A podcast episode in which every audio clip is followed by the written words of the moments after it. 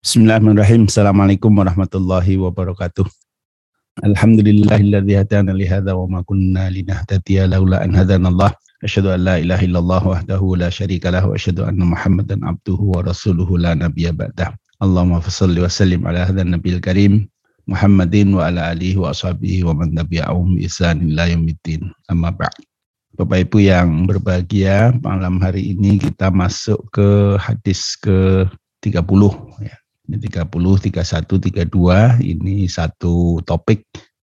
An Aisyah radhiyallahu anha dari Aisyah radhiyallahu anha qalat beliau berkata karena Rasulullah sallallahu alaihi wasallam adalah Rasulullah sallallahu alaihi wasallam yaksilul maniya. Beliau membasuh mencuci mani. Summa yahrusu ila salati kemudian beliau keluar sholat maksudnya ke masjid fidzalika saubi di dalam pakaian itu. Wa ana dan saya Aisyah angzuru ila asaril ghasri masih melihat bekas basuhannya. Muttafaqun alaihi. Wali muslimin dan di dalam riwayat muslim laqad kuntu afrukuhu min saubi rasulillahi sallallahu alaihi wasallam farkan fayusalli fihi. Sungguh aku telah menggosok mani itu min saubi rasulillahi sallallahu alaihi wasallam farkan dari baju Rasulullah farkan dengan gosokan. Fayusalli fihi kemudian beliau sholat di dalam pakaian itu. Wa filafzin lahu dan di dalam lafal menurut riwayat Muslim juga lakot kuntu ahukkuhu ya pisan bidhufuri min saubihi. Sungguh aku telah mengeroknya. Jadi mengerok ya, dikerok ya pisan ketika sudah kering. Bidhufuri dengan kukuku min saubihi dari pakaian Rasulullah sallallahu alaihi wasallam.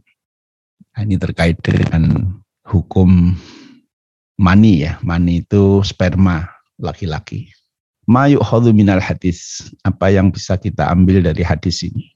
Pertama, anna sunnatan Nabi SAW hiya al-iktisaru ala farkil maniyi ingkana yabisan wa ghaslihi ingkana rotoban merupakan sunnah Nabi Shallallahu Alaihi Wasallam yaitu mencukupkan dengan menggosok mani jika dia sudah kering, wahus luhu ingkana rotoban dan membasuhnya, mencucinya ketika mani itu masih basah.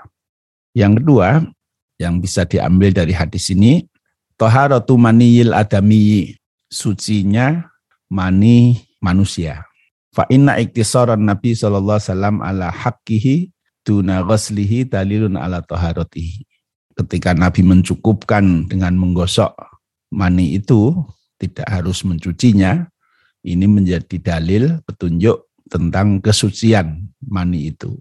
Kama anna tarkuhu al-maniyya fi saubi sallallahu hatta yaibasa ma'anal ma'ruf min hadihi al-mubadaratu bi ghuslin najasati wa izalatiha dalilun ala toharotihi aidon. Demikian juga ketika Nabi itu membiarkan mani itu kering di pakaiannya, padahal diketahui bahwa Nabi itu biasa bersegera untuk membersihkan najis-najis dan menghilangkannya. Ini menunjukkan bahwa mani itu tidak najis atau suci. Ya, kalau dia najis mestinya begitu terkena segera dibersihkan, tidak ditunggu kering. Yang ketiga, Al istihbabu fi ghuslil maniyyi sawaun kana rotoban au yabisan. Jadi disunahkan untuk mencuci mani baik ketika masih basah atau setelah kering. Di ajli kamalin nadhafati untuk kesempurnaan kebersihan. Kama yaksilul mukhatu wa nahwihi minat tahirat. Nah sebagaimana dicucinya al-mukhat ya. Mukhat apa? Air liur apa? sebentar sebentar ya. Ingus ya. Sebagaimana dicucinya ingus dan sejenisnya dari hal-hal yang suci. Jadi ingus, air liur, dah, keringat itu bukan sesuatu yang najis ya. Tetapi kalau kita terkena ya dibersihkan. Ada mutawaki misli hadil fadolat allati laisat bin najasatin wa jawazu baqaiha fil batan awis saub aw ghairihima ahdan min bako ilmaniyi fi saubi salam hatta yaibasa. Jadi kita tidak perlu bersegera ya untuk membersihkan sesuatu yang tidak najis dan dibolehkan untuk membiarkan dia tetap di badan atau di pakaian kita atau di tempat yang lain. Nah ini dengan berdasar kepada Nabi membiarkan mani itu kering di pakaiannya. Jadi tidak harus bersegera untuk membersihkannya. Maka alaihi Nabi SAW minat taqallul minal hayat dunya wa. Dari hadis ini juga bisa diambil pelajaran tentang bagaimana Nabi SAW itu mencukupkan dengan yang sedikit dari kehidupan dunia ini. Id inna sauba naumihi huwa saubu solatihi wa hurujihi. Nah ini dicontohkan misalnya bahwa pakaian untuk tidurnya juga pakaian yang beliau pakai untuk sholat dan keluar dari rumahnya. Wadhalika kulluhu irsyatun lil ummati bi'atamil mughalati fiha warrugbati fima indallahi ta'ala min jazili sawabihi wa ataihi. Ini menjadi petunjuk bagi umat untuk tidak kita berlebih-lebihan dalam urusan dunia ini. Warrugbatu fima indallah ta'ala min jazili sawabihi wa ataihi dan kita lebih terdorong untuk mencari sesuatu di sisi Allah yang berupa imbalan dan pemberian Allah. Jadi jangan di jangan terlalu mementingkan ya urusan-urusan dunia sehingga lupa pada Allah. Nah, tetapi bagaimana Nabi ya urusan dunia itu ya seperlunya saja, bahkan cenderung sederhana. Nah, yang lebih dicari adalah apa yang ada di sisi Allah Subhanahu wa taala. Nah, yang keenam khidmatul mar'ati zaujaha jadi hadis ini juga memberi gambaran tentang bagaimana seorang istri itu melayani suaminya. Wa qiyamaha bi khidmati baitihi wal qiyama bima yajibu lahu hasba ma bihi al -adah. Dan juga istri itu menjalankan urusan-urusan rumahnya dan melakukan hal yang menjadi kewajibannya. Hasba ma bihi al adah sesuai dengan apa yang adat kebiasaan berlaku di suatu tempat. Fa inna hadza minal asyratil hasanati lizauji karena yang demikian ini bagian dari muasyarah al hasanah untuk suami. Jadi bagaimana berlaku baik kepada suami. Ya. Nah sebaliknya juga suami sesuai dengan kebiasaan-kebiasaannya itu perlu untuk melakukan berbagai hal yang memang seperlunya dikerjakan untuk keluarganya. Jadi kalau di dalam Al-Quran itu ada wa ashiruhun nabil ma'ruf. Ya. Jadi ada perintah untuk muasyarah bil ma'ruf. Jadi membuat tata kehidupan rumah tangga itu yang ma'ruf. Nah ma'ruf ini tidak didefinisikan secara tekstual di dalam Al-Quran ya maupun hadis. Tetapi ya apa yang dianggap baik, yang nyaman bagi keluarga itulah itulah yang ma'ruf bagi keluarga itu. Jadi bisa jadi ma'ruf bagi satu keluarga tidak sama dengan ma'ruf bagi keluarga yang lain. Artinya Islam memberi keleluasaan kepada kita dalam masing-masing rumah tangga untuk mencari titik chemistry dalam penataan rumah tangga itu, pengaturan pembagian kerja di rumah tangga itu antara suami, istri, anak-anak dan lain-lain ya. Nah, sesuai dengan kondisi dari masing-masing rumah tangga.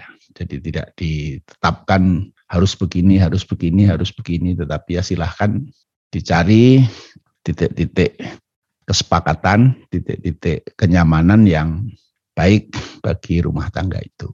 Yang ketujuh, annal khuruj 'ala nasi ma'a wujudi asaril umur al-atiyah minal akli wa syurbi wal jima'i la yu'tabaru ikhlalan bi fadilati khaslatil haya khaslatil haya jadi kalau orang keluar rumah di mana ada bekas-bekas sesuatu yang biasa ada di dalam kehidupan kita, bekas makanan, bekas minuman, termasuk bekas jima ya. Jadi Rasulullah itu ada bekas mani di bajunya ya yang sudah dibasuh itu tidak dianggap sebagai sesuatu yang merusak keutamaan kesopanan.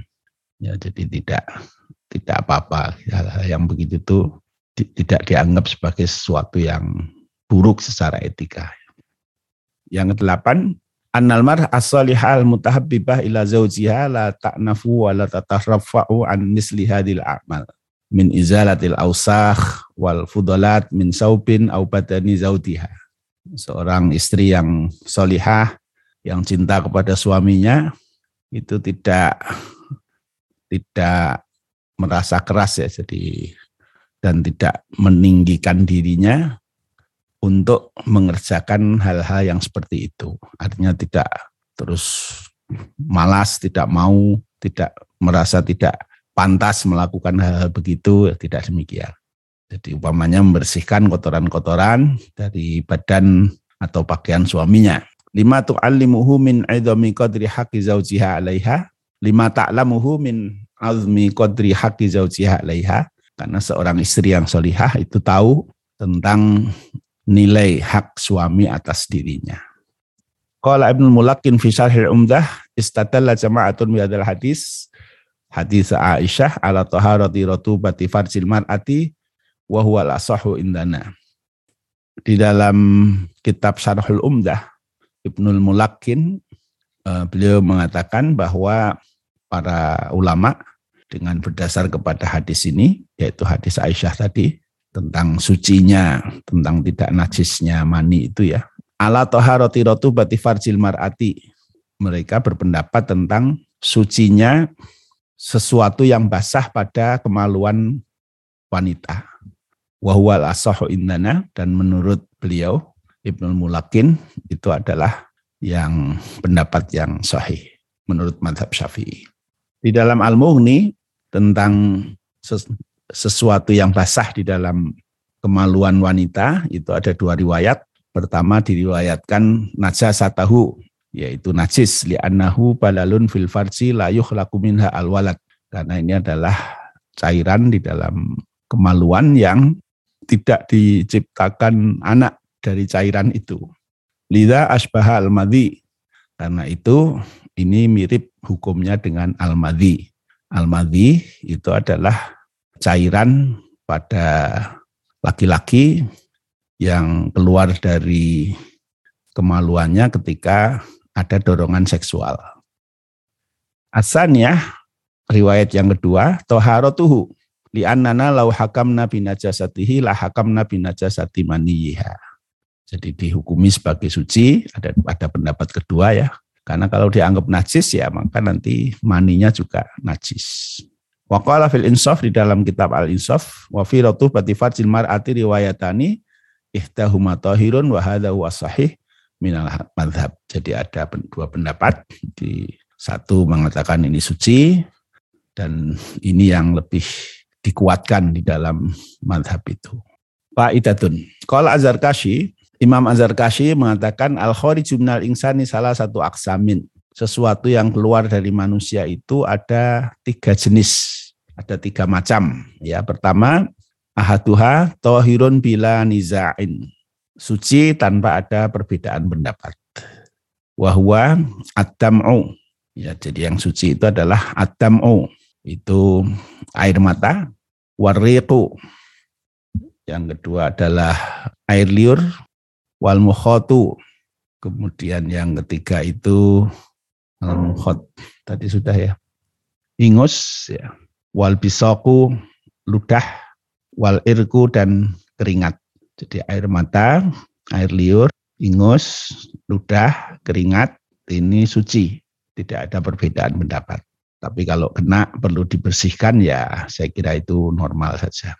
Yang kedua najasun bila nazalin, bila nazain ini mestinya nazain ya bukan nazalin ya. Jadi yang kedua najis tanpa ada perbedaan pendapat. Wahwa al-ghaid wal baul wal wati wal madhi wa dam. Al-ghaid itu kotoran, ghaid ya. Kalau buang air besar itu keluarnya adalah ghaid. Wal baul, air kencing.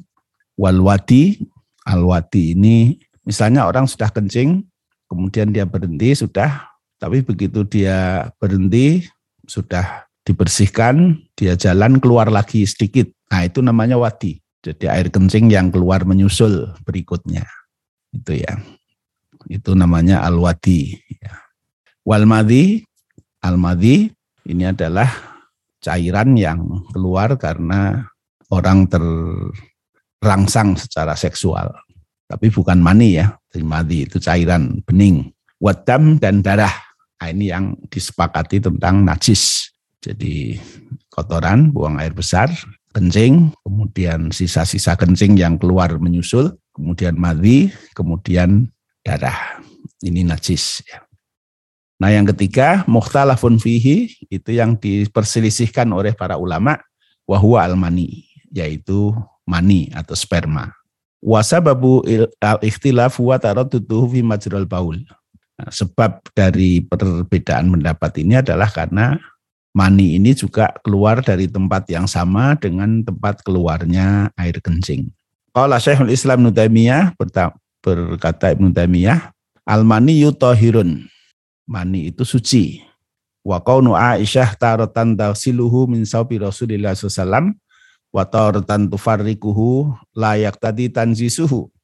Nah, adapun ketika Aisyah kadang-kadang membasuhnya dari baju Rasulullah, kadang-kadang hanya menggosoknya, itu tidak menunjukkan najisnya. Fa inna sauba yusalu minal mahot wal wasakh. Karena yang namanya baju ini juga dicuci dari ingus dan kotoran-kotoran ya, daki Wahada qaulun wa ruwahidim sahabati dan ini adalah pendapat lebih dari satu orang sahabat. Wahwa al-masyhuru min madhabi Ahmad rahimallahu taala dan ini yang lebih terkenal, lebih dikenal dari madhab Imam Ahmad rahimallahu taala. Jadi tentang sucinya mani itu. Khilaful ulama, perbedaan pendapat para ulama tentang mani ini ya. Dhaba al-Hanafiyah wal Malikiyah ila annal maniyya najasun wastatallu ala dhalika bi umurin madhab Hanafi dan madhab Maliki berpendapat bahwa mani itu najis dan mereka berdalil kepada beberapa hal. Pertama, ahadi ghuslihi min sawbi Rasulillah SAW wal ghuslu la yakunu illa min najasatin. Hadis tentang dicucinya mani dari baju Rasulullah SAW dan mencuci itu tidak dilakukan kecuali karena najis. Yang kedua, annahu yahruju min majral baul mani itu keluar dari tempat keluarnya air kencing. Faya ta'ayyana ghuslahu bil ma' maka dipas diharuskan mencucinya dengan air kaghairihi minan najasat seperti najis-najis yang lain. Salisan kiasuhu ala ghairihi min fudulatil batan al mustaqdirah minal baul wal ghaid li'annaha kullaha mutahallilatun minal ghidha. Jadi dikiaskan, dianalogikan dari sisa-sisa makanan yang dianggap kotor baik dari air kencing maupun kotoran air besar ya, buang air besar. Li annaha kulluha mutahallilatun minal karena ini semuanya adalah sesuatu yang merupakan perubahan keadaan dari makanan-makanan kita. Jadi dari makanan diproses dalam tubuh membusuk, nah kemudian yang air-airnya keluar lewat saluran kencing, kemudian yang sisa-sisa yang tidak terserap keluarnya lewat dubur ya jadi buang air besar. Nah, itu semuanya najis. Nah, karena itu mani juga dikiaskan, dianalogikan dengan ini menurut madhab Hanafi dan Maliki. Yang keempat, lamani ayakuna asrul insani wa huwal maniyu najasan. Tidak masalah bahwa manusia itu berasal dari mani yang hukumnya najis. Idman mana adali kayakulu bin najasatil alaqah karena siapa yang mengatakan tidak bolehnya mengatakan najisnya alakoh. Li'anna hatamun, karena alakoh itu adalah darah. Wahuwa najasun, sedangkan darah itu adalah najis. Wahia aslun nil insani aidon, padahal alakoh yang berupa darah ini juga adalah asal-usul manusia. Jadi kalau dia berupa darah kan disepakati najisnya. Jadi kalau mani dihukumi najis ya tidak masalah toh ketika jadi alakoh dia darah juga disepakati najisnya. Gitu. Khomisan, laisa fi ahadi sifar kilmani dalilun ala toharotihi. Jadi ketika ada hadis-hadis yang menyatakan tentang dikeriknya mani itu tidak menjadi dalil atas sucinya mani itu. Fakot yajuzu ayakun alfarku huwa al Karena dibolehkan bahwa mengerik mani itu sebagai satu jalan untuk mensucikan pakaiannya itu.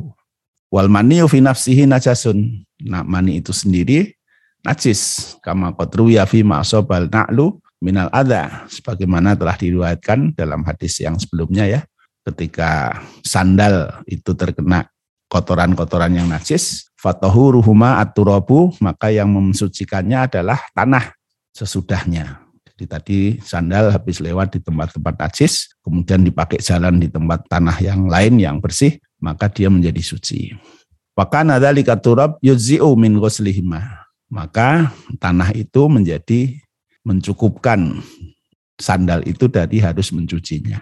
Walas dalilun ala taharatil dan hal yang demikian tidak menjadi dalil bagi sucinya kotoran-kotoran yang ada di sandal itu ya. Jadi tetap kotorannya tadi najis tetapi karena orang itu berjalan di jalan yang tanah yang bersih maka dia kemudian menjadi suci. Lah demikian juga ketika mani itu dikerik ya, dari pakaian sehingga bersih Ya itulah cara mensucikannya. Menurut madhab Maliki dan Hanafi begitu. Wa aidan laukan mani utahiran falimada amara Rasulullah SAW bi farkihi. Nah kalau memang mani itu suci, kenapa Rasulullah menyuruh untuk mengeriknya? Falau kana tahiran lajajat as-salatu bihi tuna farkihi. Kalau memang itu suci ya tidak usah dikerik. Dan boleh sholat dengan kondisi itu. Intaha mulah khosan min syarhi ma'anil asar li tahawi. Jadi ini diringkaskan dari syarah Ma'aniyal Asar yang ditulis oleh Imam At-Tahawi. Nah, Imam At-Tahawi ini salah satu dari pengikut madhab Maliki. Wadah Imam Syafi'i wa Ahmad ila annahu tahirun laisa binajasin. Sementara Imam Syafi'i dan Imam Ahmad berpendapat bahwa mani itu sesuatu yang suci, tidak najis. Baqalu innahu la yazitu wasahatun al muhad wal bisak. Sesungguhnya mani itu tidak lebih dari kotoran yang seperti ingus dan air ludah. Wastatallu ala dzalika bi umur dan mereka berdalil dengan beberapa hal. Pertama, ahadis sufarkihi min sabi Rasulullah SAW wa hatihi min tuni ghuslin wa hadza akbaru dalilin ala taharatihi. Walau kana najasan lam yakfi fihi dzalika. Hadis-hadis tentang mengerik mani itu dari baju Rasulullah SAW dan menggosoknya tanpa harus mencucinya. Ini adalah dalil terbesar tentang kesuciannya. Kalau memang najis, mestinya tidak cukup dengan seperti itu. Sanian, anna hadha aslu halqil insani tahir alladhi karamahullah. Bahwa mani ini adalah asal usul dari penciptaan manusia yang suci yang dimuliakan oleh Allah. Fakai fayakun asluhu an najasah. Bagaimana manusia yang suci ini asalnya adalah sesuatu yang najis. Wa amma ghusluhu ba'dul ahyan min saubi sallam falayatulu ala najasati. Adapun sesekali Rasulullah mencuci mani itu dari bajunya tidak menunjukkan itu najis. Wa inna mali ajlin nadhafati kama tazalu al basaqah wal muhad. Kama tuzalu al busqah wal muhad.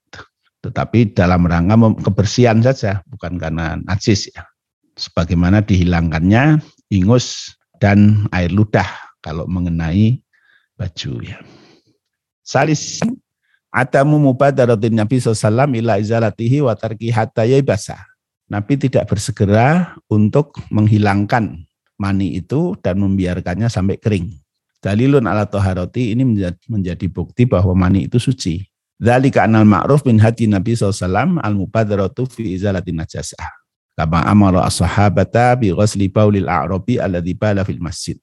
Karena sudah sebagaimana sudah diketahui bahwa Nabi SAW itu selalu bersegera untuk menghilangkan najis sebagaimana beliau memerintahkan para sahabat untuk membasuh air kencingnya orang Badui yang telah kencing di dalam masjid.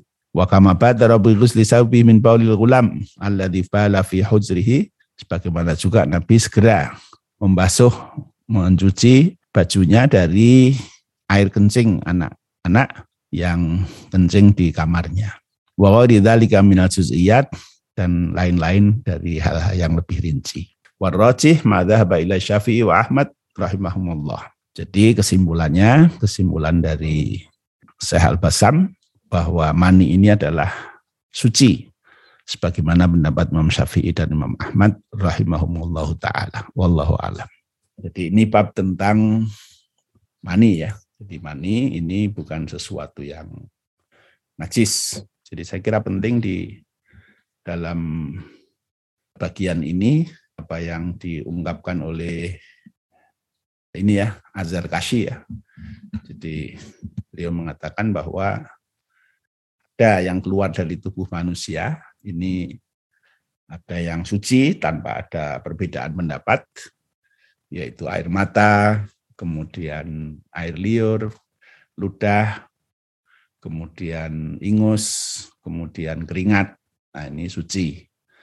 Kemudian yang najis itu kotoran, buang air besar, kemudian air kencing, kemudian sisa-sisa kencing yang keluar berikutnya, kemudian madhi, kemudian darah. Nah, ini najis.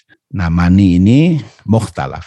Jadi ada pendapat-pendapat tentang ini di mana Imam Hanafi dan Imam Malik mengatakan najis, Imam Ahmad dan Imam Syafi'i mengatakan ini tidak najis. Nah, saya Al-Basam di dalam kitab ini menguatkan pendapat yang tidak najis ini. Wallahu alam bisawab. Nah, saya lanjutkan di hadis berikutnya. Ini hadis nomor 32 ya. Wa an Abi Samhi radhiyallahu anhu dan dari Abu Samh radhiyallahu anhu qala beliau berkata, qala Rasulullah sallallahu alaihi wasallam telah bersabda Rasulullah sallam yughsalu min baulil jariyati wa yurashu min baulil ulami. Yughsalu di cuci min baulil syariati dari air kencing anak perempuan, bayi perempuan, wa yurashu min baulil gulami dan disiram atau dipersihkan air min baulil gulami dari air kencing anak laki-laki. Akhrajahu Abu Dawud wa Nasa'i wa sahahahu al-Hakim. Nah, ini darajatul hadis, hadisun sahih. Ini hadis sahih ya. Di buku aslinya ini di ceritakan panjang lebar tentang komentar terhadap hadis-hadis ini, tetapi ini saya ringkaskan saja bahwa kesimpulannya derajat hadisnya adalah sahih. Nah, apa yang bisa diambil dari hadis ini? Pertama, yukhadu minal hadisi anal asla fi ahkamil gulam wal jariyah sawa. Jadi pada asalnya hukum tentang anak laki-laki dan anak perempuan, bayi laki-laki dan bayi perempuan itu sama. Fatafriqu sunnati bainahuma fil baul dalilun ala anna ma'adahuma bakin al asli. Bahwa di dalam hukum air kencing ini dibedakan menurut sunnah, maka ini menunjukkan bahwa selain urusan air kencing ini, hukum bagi anak laki-laki, bayi laki-laki dan perempuan itu sama. Yang kedua, Paulul binti najasun ghairihi minan najasat. Walau kanat fisin nirroda. Jadi air kencing anak perempuan itu najis sebagaimana najis-najis yang lain. Walaupun masih dalam usia menyusu. Yang ketiga, fayul saluminhu asaub wa ghairuhu idza asobahu. Maka ketika pakaian atau lain-lainnya itu terkena air kencing anak perempuan ini dia dibasuh, dicuci. Kamayu salu min sairin najasat sebagaimana dicucinya pakaian itu dari najis-najis yang lain. Yang keempat, Paulul gulam ala dilam yakul atau amli syahwatin najasun. Walakin najasatuhu akhafu najasatan min baulil binti. Air kencing bayi laki-laki yang belum makan makanan karena keinginannya, jadi gampangnya masih masa menyusu saja ya, itu adalah najis. Tetapi najisnya lebih ringan daripada najis air kencing bayi perempuan. Yakfi tilahiri ma asabahu baulul ghulam alladzi lam yakul syahwatin rasyuhu bil ma' faqat tuna ghuslihi. Jadi untuk membersihkan, untuk mensucikan air kencing dari untuk membersihkan sesuatu dari air kencing anak laki-laki itu cukup dengan disiram air atau dipercikkan air, tidak harus dicuci. Fihi annahu la yaktasiru fi tadhiri baulil gulam ala imraril yad wa innamal maksud izalatul ain tidak dicukupkan, tidak cukup dalam rangka mensucikan najisnya air kencing anak laki-laki itu dengan hanya menjalankan tangan saja, kayak diusap gitu ya. Wa innamal maksud izalatul ain. Tetapi yang dimaksudkan adalah menghilangkan najisnya itu. Jadi menghilangkan fisik najisnya itu. Dengan disiram air itu akan larut ya, akan hilang. Bahasal ulama fisiril ladhi min ajlihi hasala at-tafriq baina paulil gulam wa baina paulil jariyah. Para ulama telah membahas tentang rahasia apa yang membedakan antara air kencing bayi laki-laki dengan bayi perempuan. Nah ini pendapat-pendapat ya. Faqala ba'duhum minal ulam adatan yakunu arghaba inda ahlihi minal jariyah. Biasanya anak laki-laki itu lebih disukai oleh keluarganya daripada anak perempuan. Ini kebiasaan Arab dulu begitu. Fayukassiru hamlahu wa takassara isabatu hamilihi bibaulihi. Famin babi taisir khuffifa fi ghusri najasati baulihi fayakunu min fayakuna min babil qaida al-kubra al-masyaqqah tajlibut taisir. Jadi biasanya anak laki-laki lebih banyak dibawa-bawa ke mana-mana karena keluarganya senang dengan anak laki-laki itu. Nah sehingga sangat mungkin mereka akan lebih banyak mengenai air kencingnya kepada keluarga itu. Nah karena lebih sering kena, maka untuk meringankan supaya tidak sulitan, sehingga diperingan cara membersihkannya. Nah, ini masuk dalam bab al-masyakoh tajlibut taisir sesuatu yang menyulitkan membawa kepada kemudahan. Ini analisanya begitu ya. Wa qala ba'duhum inna paula ulam yahruju min saqopin doyikin min qadibin mumtatin fayahruju bi quwwatin wa syiddati taf'in fayantashiru pauluhu wa takassara isabatu minhu. Air kencing anak laki-laki itu keluar dari lubang yang kecil dari apa ya dari benda yang memanjang sehingga dia keluar dengan tekanan yang kuat. Nah, karena itu dia akan lebih menyebar dan mengenai lebih banyak hal. Jadi nyemprotnya lebih banyak. Fakta al hikmah takfif minal hukmi fi najasatihi. Maka kemudian sebagian dari hikmahnya itu diringankan di dalam cara mensucikan najisnya. Amal jariah fairuju bauluha min sakopin fihi si'atun wa biduni qadibin fayustaqiru fi makanin wahidatin fayus itu ala asli najasatil baul. Kalau anak perempuan itu keluar air kencing itu dari lubang yang lebih lebar tanpa ada salurannya, nah sehingga dia mengumpul di satu tempat sehingga lebih mudah menghilangkannya. Waqala ba'duhum, ini analisis kedua ya. Waqala ba'duhum, sebagian lain mengatakan, Inal gulam fihi hararatun tabi'iyatun zaidatun ala hararatil jariyah. Anak laki-laki itu punya suhu tubuh yang lebih tinggi secara natural daripada anak perempuan. Dan ini sudah dimaklumi.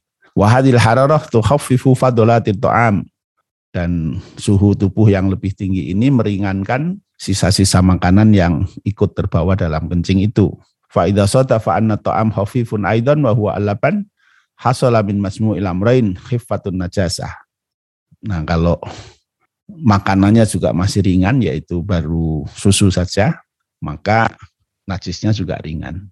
Berbeda dengan anak perempuan, falai salate hadil hararah al mulatifah fatabqa alal asli. Kalau anak perempuan itu tidak ada suhu yang lebih tinggi ini sehingga dia berada pada hukum asalnya yaitu najisnya tidak ringan ya. Hadhi min ahlikam dalam masahal ulama lil farqi baina paulil gulam wa baina paulil jariyah. Ini beberapa hikmah yang coba dicari para ulama tentang perbedaan antara air kencing anak laki-laki dengan anak perempuan. Fa'in sohat, kalaulah itu betul, jadi di atas tadi kan analisis-analisis ya. Fahiyah hikamun makulatun, maka itu hikmah-hikmah yang rasional. Li'annaha furukun wadihatun karena ada perbedaan-perbedaan yang jelas. Wa ilam tasah, wa ilam tasih, fal hikmatu hiya hukmullahi ta'ala. Kalaulah itu misalnya tidak betul analisanya, maka pasti ada hikmah di dalam hukum Allah itu. Fa inna nana lamu yakinan anna syar'illahi anna syar'allahi huwa al-hikmah. Karena kita mengetahui secara pasti bahwa syariah Allah ini pasti ada hikmahnya. Fa inna syar'a la yufarriqu baina syai'aini mutamasilaini fi dhahir. Karena syariah tidak akan pernah membedakan antara dua hal yang sama secara zahir. Illa wal hikmatu taqtadi at-tafriq. Kecuali secara hikmah pasti ada perbedaannya. Wala yasma'u bainahuma illa wal hikmatu taqtadi al-jam'u. Dan juga tidak menyamakan antara kedua hal kecuali secara hikmah memang sama. Lian ahkam Allahi la takuna illa fi wifqal muslah. Karena hukum-hukum Allah itu pasti sesuai dengan kemaslahatannya. Walakin qad tadhara wa qad la qad tadhara wa laqad la tadhar. Tapi kadang-kadang kelihatan hikmahnya itu, maslahatnya itu kadang-kadang juga belum tampak. Nah ini tentang hukum najisnya air kencing anak perempuan dan anak laki-laki. Nah, saya lompat dulu ke bawah. Ini saya sertakan beberapa link website tentang penelitian-penelitian yang pernah dilakukan terkait dengan air kencing anak laki-laki dan anak perempuan. Nanti Bapak Ibu bisa membaca secara langsung di sumber linknya ini. Nah secara ringkas nomor satu ini tentang penelitian ini tentang kadar amonia NH3. Jadi penelitian yang dilakukan di oleh mahasiswa MIPA UIN Wali Songo ya. Nah ini jadi ringkasnya itu air kencing anak perempuan itu ternyata cepat sekali melepas kadar amonia NH3-nya. Jadi dalam lima menit itu itu dibedakan tentang umur ya, umur bayinya antara sekian, sekian, sekian. Saya tidak hafal, tapi ya Bapak Ibu nanti bisa lihat di websitenya ini. Jadi secara ringkas, air kencing anak perempuan itu daya ikat terhadap amoniaknya itu rendah. Sehingga dalam waktu lima menit itu kira-kira sudah 90 sekian persen amoniaknya itu lepas. Ya. Nah kalau anak kencing air kencing anak laki-laki itu daya ikat terhadap amonia itu tinggi. Jadi kalau anak perempuan 95 persen kira-kira begitu sudah lepas dalam waktu lima menit setelah air kencing itu keluar lah kalau anak laki-laki itu kira-kira hanya sekitar 6 persen yang lepas ya. Nah ini begitu. Nanti di tingkat umur berikutnya juga begitu. Walaupun persentasenya turun tetapi perbedaan antara laki-laki dan perempuan itu tinggi sekali. Itu ini di penelitian pertama begitu. Nah, ini kalau saya konfirmasi dengan apa ungkapan Ibnu Qayyim ya itu kalau anak kencing perempuan tuh baunya lebih kuat. Anak kencing laki-laki anak laki-laki itu baunya lebih lebih lebih lemah ya nah ini kalau secara kimiawi ya ini penjelasannya. Jadi kalau bau pesing itu kan dari amoniaknya itu, NH3 ya. Nah sehingga kalau dia cepat lepasnya, artinya apa ya? Memang itu akan tercium bau yang lebih kuat di air kencing anak perempuan dibanding dengan air kencing anak laki-laki. Lah kalau Ibnu Qayyim mengatakannya begitu. Jadi bau air kencing anak perempuan itu lebih kuat daripada bau air kencing anak laki-laki. Nah, kemudian nanti di penelitian yang kedua ini di Irak ya, tahun berapa itu pakai metodologi penelitian bakterinya. Ini terkait dengan kandungan bakteri Escherichia coli. Nah, jadi di air kencing anak perempuan itu daya ikat terhadap bakterinya itu jauh lebih tinggi daripada daya ikat bakteri dari air kencing anak laki-laki. Nah, ini perbandingannya terbalik dengan NH3 tadi. Jadi kalau dia melepas NH3 dengan cepat, maka NH3 itu akan segera digantikan oleh bakteri. Daya ikat terhadap bakterinya tinggi. Nah, ini terkonfirmasi ini ya, dua penelitian yang berbeda, tetapi menunjukkan konfirmasi positif dari dua kasus ini. Nah, sementara anak air kencing anak laki-laki itu daya ikat NH3-nya tinggi sehingga baunya tidak menyengat dan yang kedua itu daya ikat bakterinya rendah jadi dari penelitian yang kedua ini ditunjukkan prosentasenya hampir seperti yang pertama tapi kebalikannya. Jadi daya ikat bakteri, bakteri yang terkandung di air kencing anak perempuan itu sekitar 90 sekian persen dibanding dengan anak laki-laki yang hanya sekitar 2 sampai 4 persen. Ya, gitu. Nah penelitian yang ketiga ini dengan komputer radiografi ya analisa analisa radiografi terhadap efek bagaimana ketika air kencing anak perempuan dan anak laki-laki itu dilakukan radiografi. Ini saya tidak terlalu paham maknanya, tetapi intinya terdapat perbedaan yang nyata antara air kencing anak perempuan dengan air kencing anak laki-laki. Tapi terus konteksnya apa dengan yang lain-lain saya kurang paham. Tapi saya kira yang satu dan dua ini cukup menarik, silahkan nanti dilihat. Nah karena itu ya jadi membersihkan air kencing anak laki-laki ini lebih ringan caranya. Nah, bisa jadi kemahnya ini ya. Jadi karena kadar bakterinya rendah, nah dia cukup dengan dibersihkan air saja. Kalau anak perempuan kadar bakterinya tinggi, dia harus di dicuci ya supaya betul-betul bersih. Allah alam. Amma qai'ul ghulam wal jariyah fa fihi ma qaulani li ahli ilmi faman ja'ala hukmuhu hukmal baul min al-gulam wal jariyah al-haqqahu bi min babil aula li anna qai akhafu najasat min al-baul wa hadha madhhabul hanabilah. Nah, tentang muntahan ya, muntahan dari anak laki-laki dan anak perempuan. Ada dua pendapat. Bagi yang mengkiaskan hukumnya sama dengan hukum air kencingnya, ya air kencing laki-laki dan perempuan tadi, maka berarti sama hukumnya. Jadi muntahnya anak laki-laki itu lebih ringan hukumnya, najisnya daripada muntahnya anak perempuan. Nah, ini adalah pendapat madhab Imam Ahmad. Wa amma malam yarhiquhu faqala innal asla annahuma sawa'un fil ahkam illa ma akhrajahu nas. Wa nasu lam yahrus alqai fayabqa al asli wa wa istiraq fi hukmi najasati bainahuma. Nah, yang tidak mengkiaskan dengan air kencing maka dikatakan bahwa pada asalnya ya hukumnya sama antara laki-laki dengan perempuan kecuali ada nas yang membedakan. Nah, sedangkan di dalam bab muntahan ini tidak ada nas yang membedakan, maka dia tetap pada hukum asalnya yaitu najis baik laki-laki maupun perempuan itu muntahannya adalah sesuatu yang najis. Wallah alam iswab, saya kira ini dulu yang kita kaji malam hari ini. Mudah-mudahan menambah pengetahuan kita.